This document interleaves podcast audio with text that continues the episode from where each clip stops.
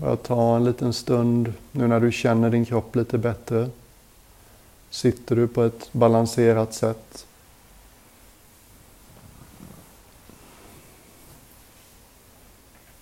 Den här punkten jag kallade hara, kan du känna av den nu när du sitter? Andas ut lite extra i slutet av utandningen och lyssna efter om något drar sig samman nedanför, innanför naveln. Känns det alldeles stumt där? Så kan det hända att ländryggen är lite för framskjuten. Eller så kan det hända att ländryggen krummar lite bakåt. Hitta något balanserat där. Ibland tänker jag mig en vertikal handflata mot ryggraden i höjd med ländryggen. Lite god känsla, liksom ha något som stödjer bakifrån.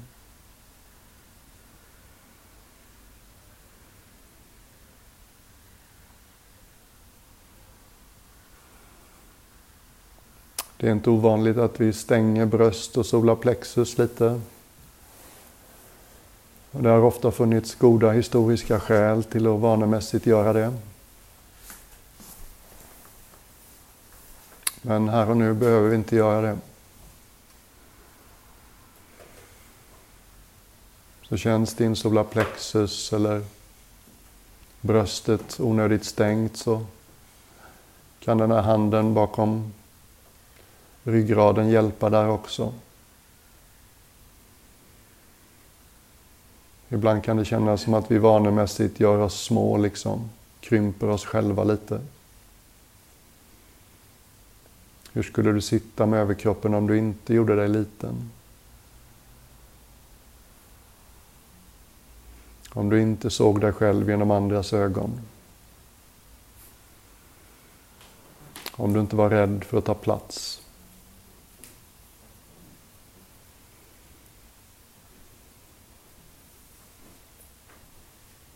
Hur skulle du sitta om du var Buddha? Ja?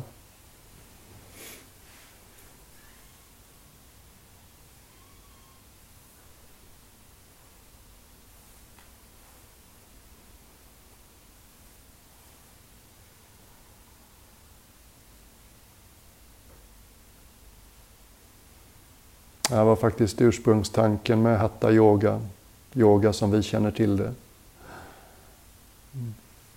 göra kroppen förberedd och redo för att kunna sitta still.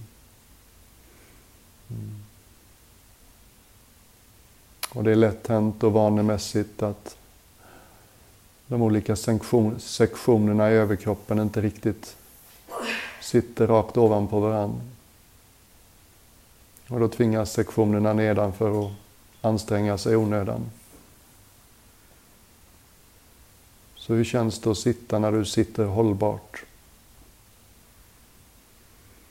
När nacken inte jobbar övertid. När de allt mindre kotorna längst upp i ryggraden, kotorna vi kallar halskotor. Tänk dig de här små kotorna som plötsligt möter ett stort tungt huvud. Mm. Om vi vanemässigt lutade huvudet framåt så det är klart att vi får spänningar i nacken som kan ha mycket följder. Här finns en möjlighet att bli lite mer bekant hur det känns för dig. När huvudet och ryggradens övre ände hittar ett sätt att hänga.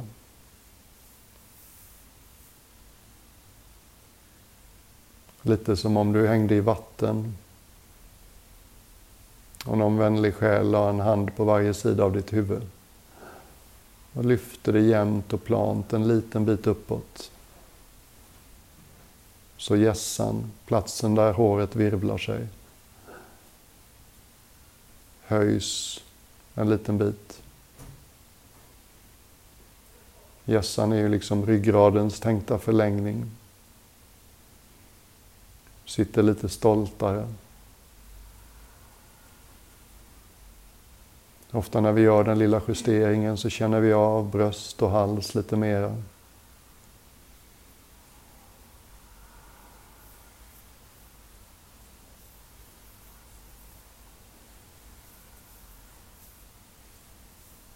Kolla av magen att den är glad. Vi har ju vår förebild vad gäller magar ovanför byrån bakom mig. Kanske inte den mest värdiga representanten för buddhism jag känner till. jag gillar magarna. Det är något som händer när vi vanemässigt går och drar in magen hela tiden. Vi eh, förlorar en del av vår känslighet. Andningen blir lite konstig. Så hur känns din mage när den får släppa loss? När den får vara rund? När den får vara med i andetaget?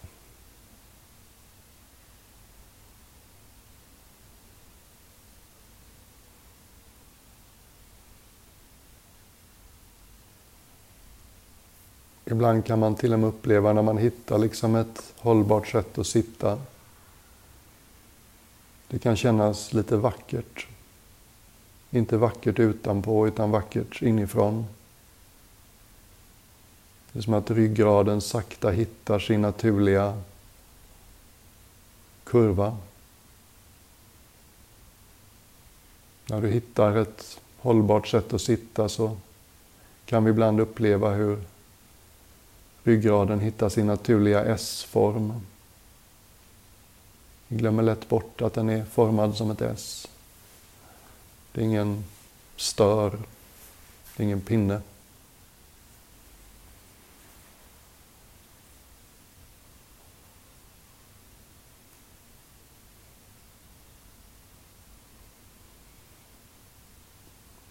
I England, i klostret där jag levde i sju år, så erbjöds en meditation till allmänheten varje söndag eftermiddag. Och våran fantastiskt kreativa lärare Adjan Suchito,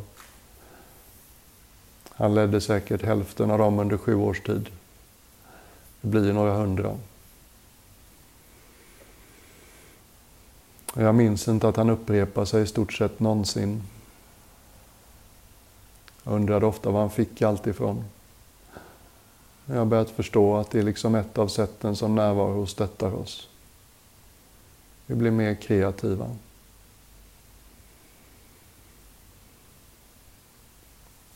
Och någon söndag eftermiddag så överraskade han med en ansiktsmeditation och det tyckte jag var lite kul.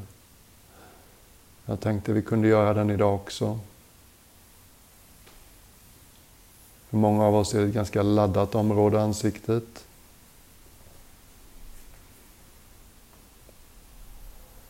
man blir så gammal som jag så är det lätt hänt att när man ser sig i spegeln så önskar man att man såg ut som man gjorde för tio år sedan. man kan stå där med synpunkter. Jag önskar det var mindre så. Jag önskar det var mer så. Mm. Och i mötet med andra så är ansiktet en väldigt akut plats. Vi tolkar varandra genom att observera varandras ansikten. Vi kan bli väldigt självmedvetna när vår ansikte gör en min som vi inte är riktigt bekväma med att andra ser. Om vi blir arga eller ledsna till exempel.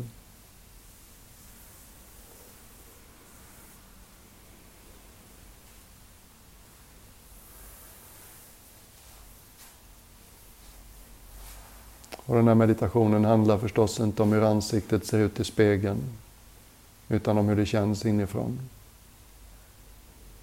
Det är en ovanlig och respektfull sorts uppmärksamhet.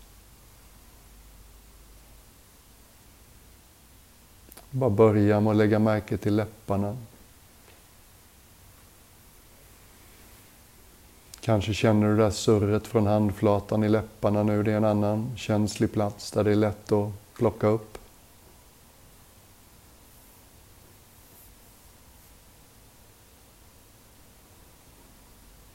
Säkert känner du läpparnas relativa värme och fukt.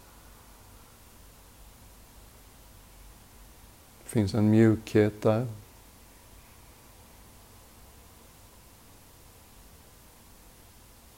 Vi är inte ute efter något. Den här uppmärksamheten har ingen agenda. Den är öppen. Hur känns det?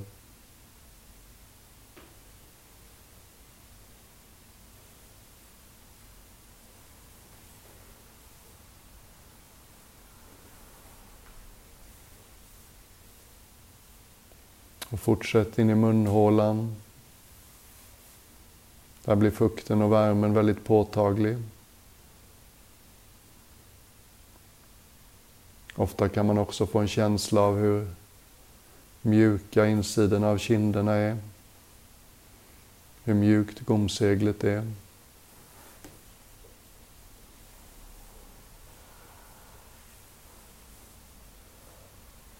Låt tunga hitta något sätt att vila på.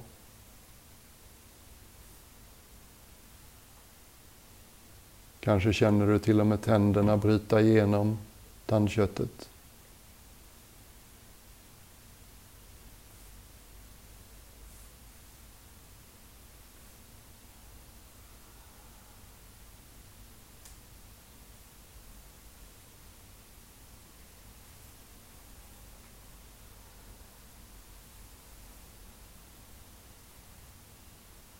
Och sprid din uppmärksamhet utan att helt släppa läppar och mun. Så inkluderar vi även käklederna. Det här långa käkbenet som häng, hänger nedanför skallen. Om du inte bryr dig om hur det ser ut. Hur vill ditt käkben hänga då?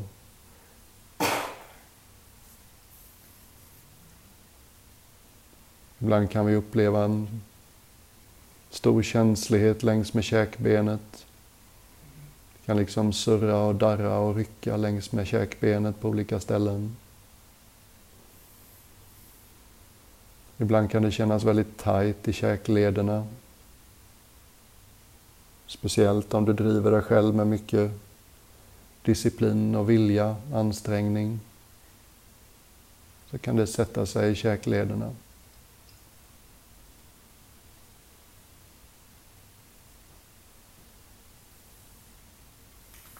Och det fina med den här sortens uppmärksamhet är att vi säger egentligen inte åt kroppen att slappna av där det är spänt. Bara lägger märke till eventuella spänningar. Och sen söker kroppens egen intelligens vägar till balans och avslappning. Den behöver ofta vår uppmärksamhet.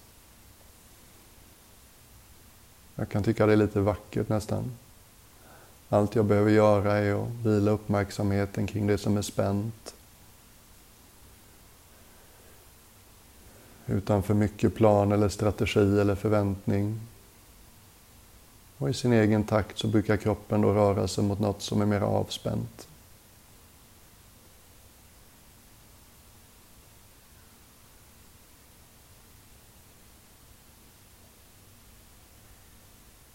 Kom tillbaks upp sen till näsan.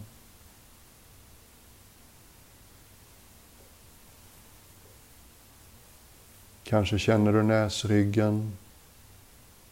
Kanske har du lättare för att känna sidan av din näsa. Alldeles säkert känner du av näsborrarna. Luften som kommer och går genom näsborrarna. Den lite svalare och torrare luften som går in i näsborrarna. Och den uppvärmda och lite fuktigare luften som kommer ut efter besöket i lungorna.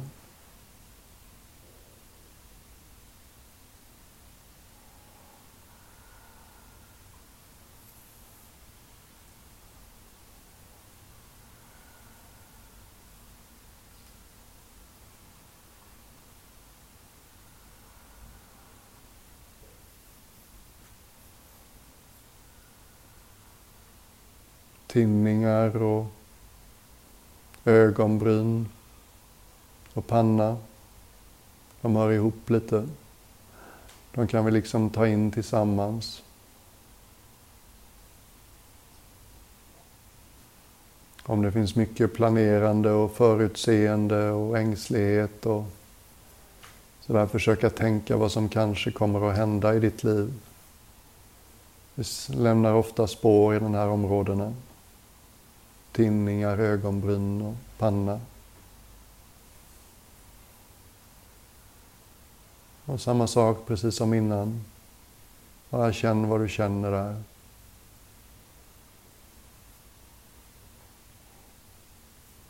Min panna gillar det här märker jag. Den var lite överladdad. Och mjukna lite av den här uppmärksamheten.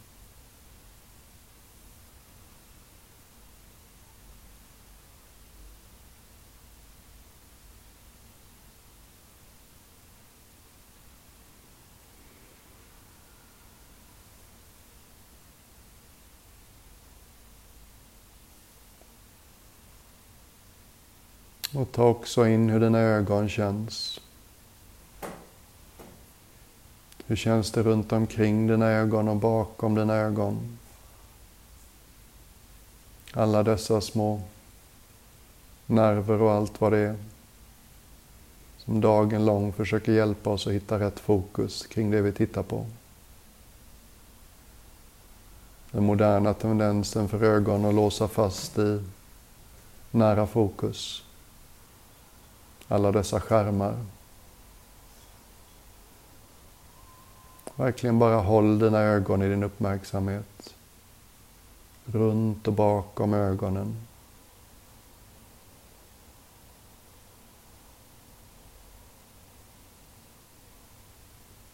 Ibland händer det att vi upplever att ögonsocklarna, de här håligheterna som ögonen sitter i, släpper sitt grepp lite efter en stund.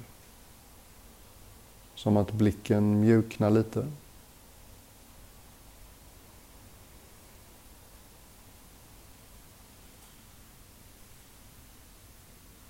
Som att vi går från skärmfokus till något som mer liknar horisontfokus.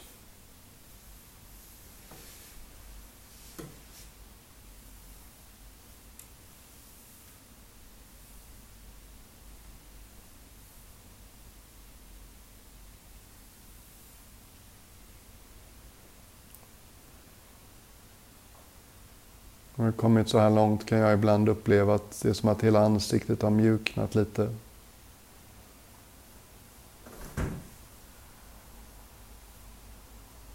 Det är klart utifrån i en spegel så är det fortfarande väldigt distinkt vad som är hud och vad som är luft utanför huden. Men inifrån liksom somatiskt, kroppsförnimmelsemässigt så kan det kännas som om den gränsen har mjuknat lite.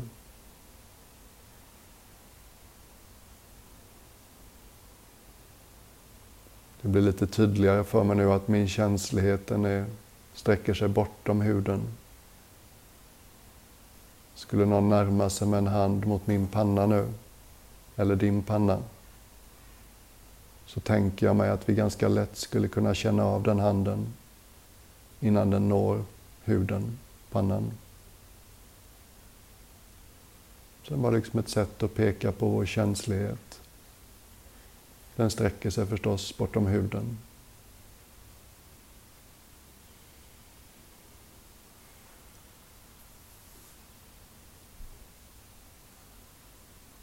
kan vi ta ett steg jag hittar på lite själv.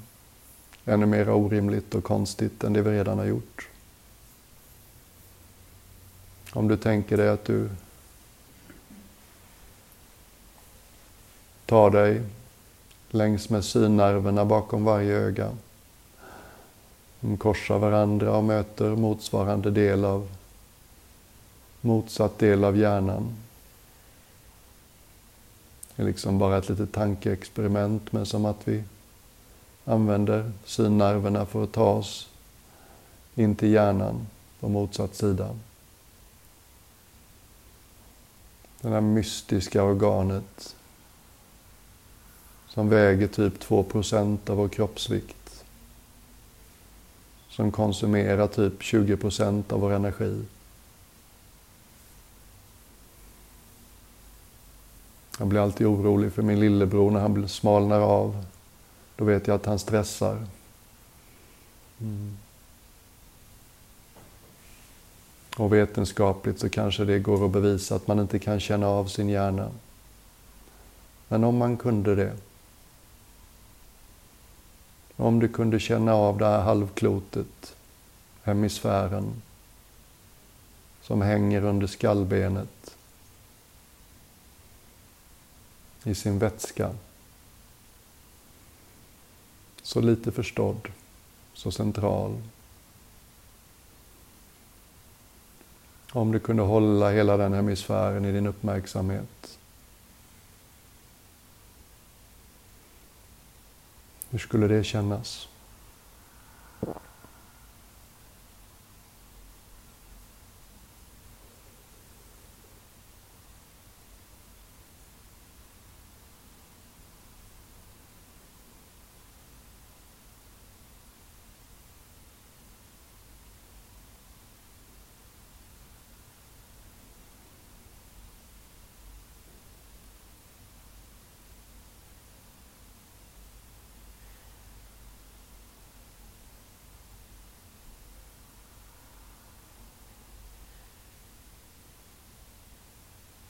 Så kommer vi sakta ut från frontalloberna i hjärnan via synnerverna tillbaks till ögat på motsatt sida och tillbaks till hela ansiktet.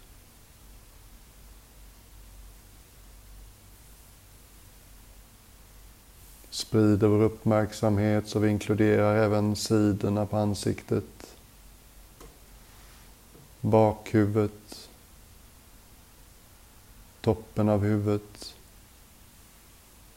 Ett tunt lager hud som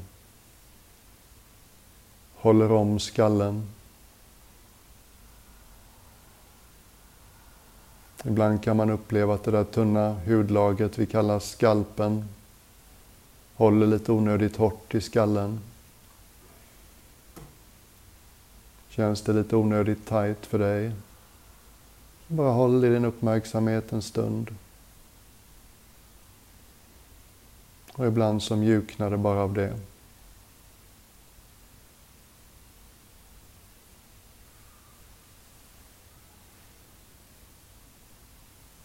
Och nu håller vi hela huvudet i vår uppmärksamhet. Inte som det ser ut i spegeln. Utan bara som ännu en kroppsdel. Ännu en utväxt från bålen.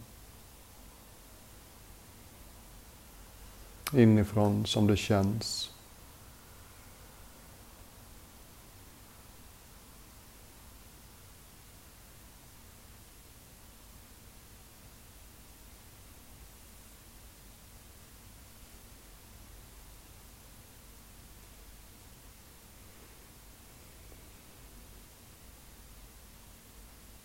Man får säkert inte säga så här, men jag säger det ändå.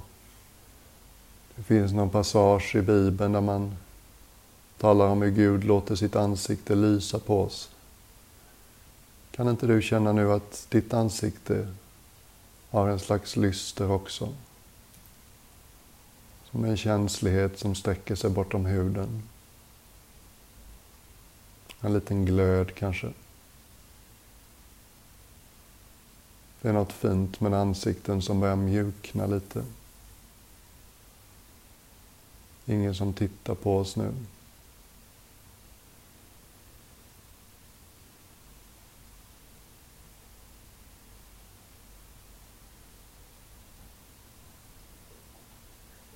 Och så fortsätter vi att sprida vår uppmärksamhet.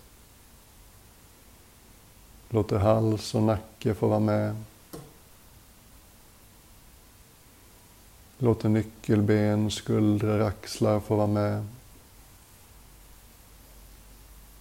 Ibland kan det vara så att när vi börjar lyssna på skuldror och axlar så vill de sjunka en smula.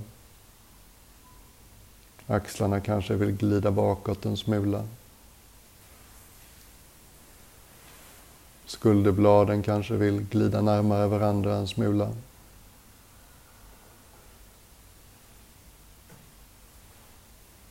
Känn dina armar och dina händer.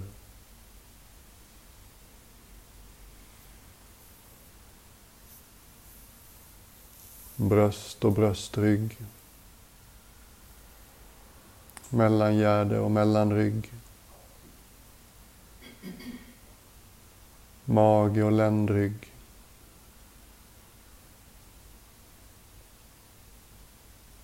Gör du justeringar så gör dem mjukt så du känner vad du gör.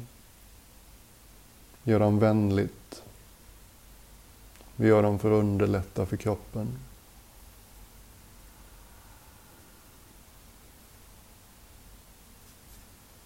Känn höftvaggan och bäckenbotten. Ibland när man sitter kan man till och med känna av två små benet som sticker liksom genom varje skinka. I klostret kallar vi dem sittbenen. De görs ofta påminda när man sitter.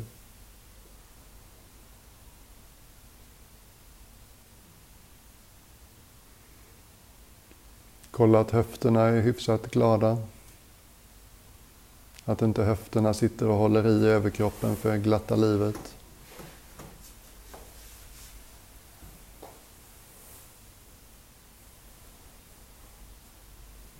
Så gott du kan, försök att få en känsla för platsen där lårbenet fäster. I vad det nu heter, den där skålen det fäster i höftvaggan.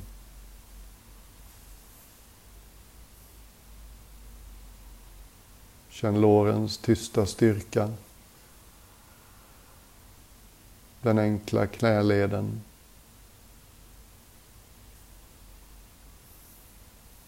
Underbenens framsida lite mer ömtålig.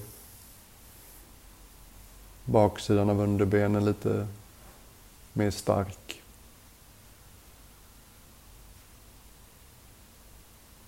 Fötternas ovan och undansida.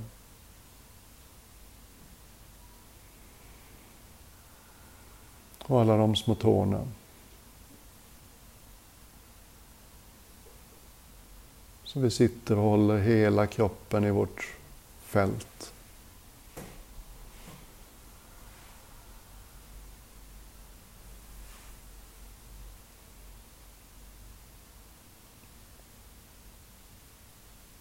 Lägg märke till allt det nu som svarar på frågan med ögonen stängda.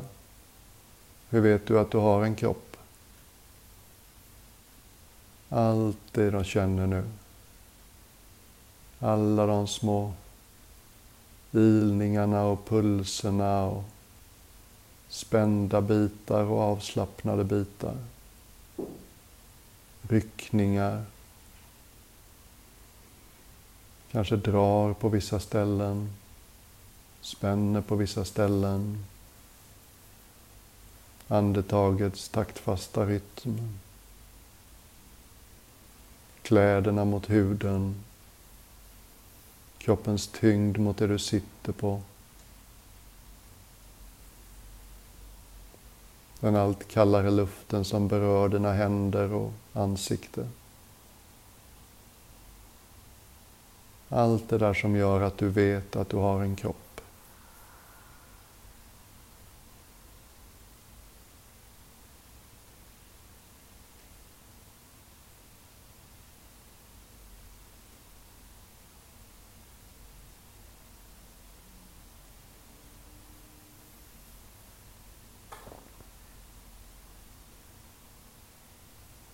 Och jag vet filosofiskt, det där kanske inte är så storslaget. Men kroppen har gåvor vi lätt underskattar. Efter sitt uppvaknande så gick Buddha så långt som att säga att genom den här kroppen så har jag erfarit det som aldrig föddes och aldrig kommer att dö. Det är rätt storslaget. Tänk om det stämmer. Tänk om något så storslaget är tillgängligt för oss alla. Något som aldrig har fötts och aldrig kommer att dö. Att man kan uppleva det i kroppen.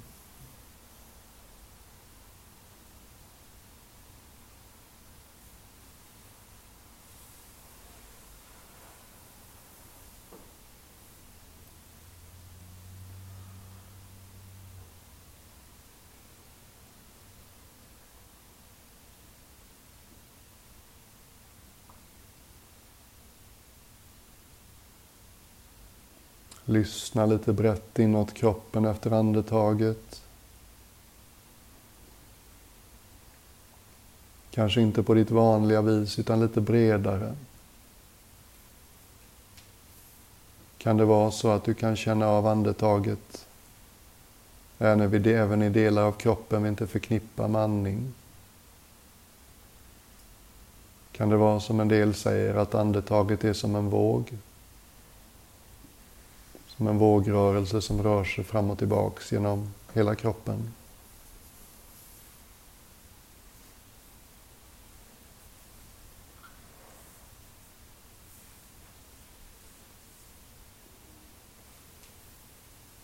Kan det till och med vara så att din vänstra handflata kan känna av när du växlar från att andas in till att andas ut.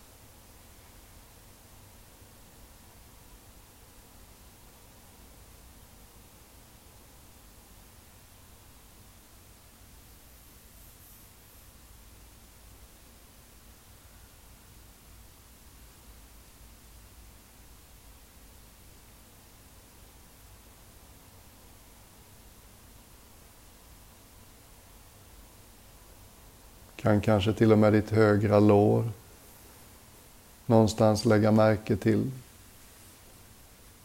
när ett andetag övergår i ett annat.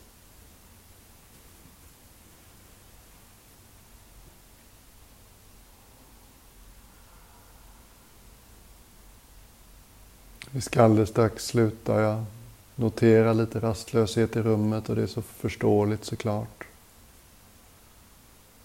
Det finns någonting här som jag bara vill visa. I buddhans mest kompletta meditation för meditationsinstruktion för andetaget så fanns det lite orimligt många steg tyckte jag. Men ett av dem är just det här. Uppleva andning med hela kroppen.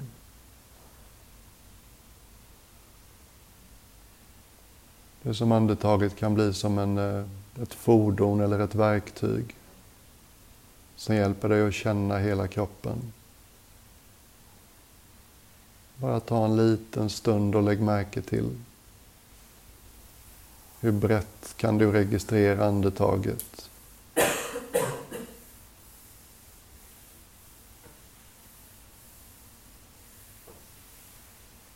Det vara så att kroppen är lite som en spindelväv?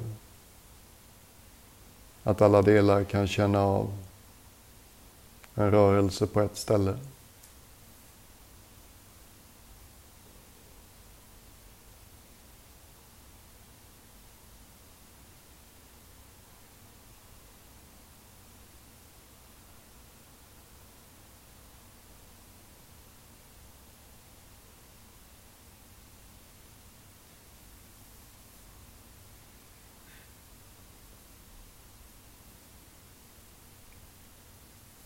Det händer rätt ofta när man gör just den här övningen. Att folk upplever en stillhet. Man slutar liksom spänna sig och fokusera på ett visst område. Man lyssnar brett efter andetaget. Och man kan känna av en stillhet som tycks finnas där hela tiden. Det kan vara svårt att säga om den finns i mig eller i rummet kan upplevas lite olika. Det är som att bakom den här takten, bakom den här stigande och fallande vågen av andetaget, så finns det en stillhet.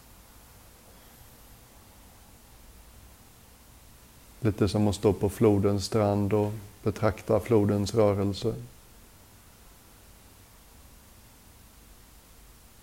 Det som uppmärksammar är stilla.